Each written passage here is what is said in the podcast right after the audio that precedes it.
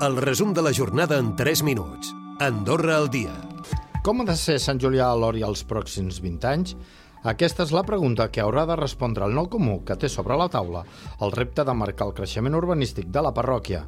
Aquest 2024 serà clau per modificar el pla d'urbanisme. Ni poden aturar la construcció ni deixar que es construeixin torres a tot el país. Sant Julià té clar que el seu creixement ha de ser sostingut en el temps. Sentim Cerni Cairat, cònsul major de Sant Julià a Lòria. Com fem que el, creix, el marge de creixement que encara, que encara tenim, si és que hi és, doncs eh, el podem temporitzar de manera doncs, que, per exemple, eh, els seus impactes en matèria laboral siguin els, els mínim possibles. Això passa per fer un nou pla d'urbanisme que estarà enllestit abans de final d'any i per plantejar quin tipus de parròquia es vol. Més notícies Fer retrobades, compres, passejar o esquiar. Aquests són alguns dels atractius que han portat diversos turistes mallorquins a visitar el Principat aprofitant la nova connexió aèria fins a l'aeroport d'Andorra la Seu. Hem seguit de ben a prop el cas de la Marina i el Xavier, que s'han reunit amb la família amb ganes d'aprofitar la nevada recent. Sentim Marina Vázquez, turista de Mallorca.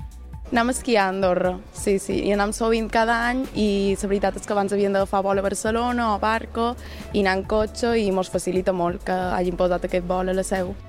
D'altra banda, hi ha polèmica per aquest vol entre el territori del Pirineu Occidental.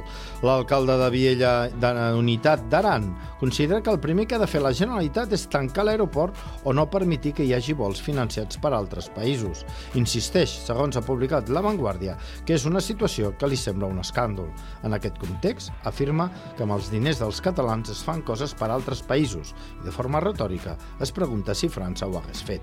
La polèmica està servida tot i que Andorra ja ha pagat per portar la línia procedent de les Illes Balears. Més notícies perquè el Tribunal Constitucional ha tancat la porta a la demanda de recusació de dos batlles en sengles processos judicials.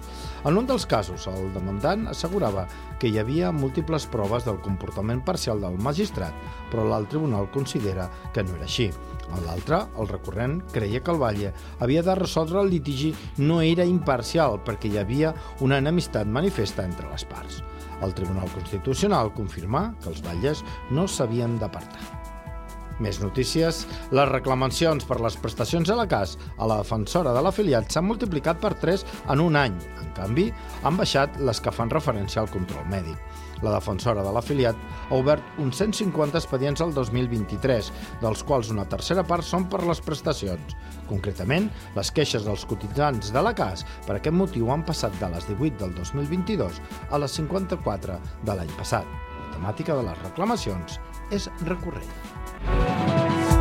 Recupera el resum de la jornada cada dia a AndorraDifusió.d i a les plataformes de podcast.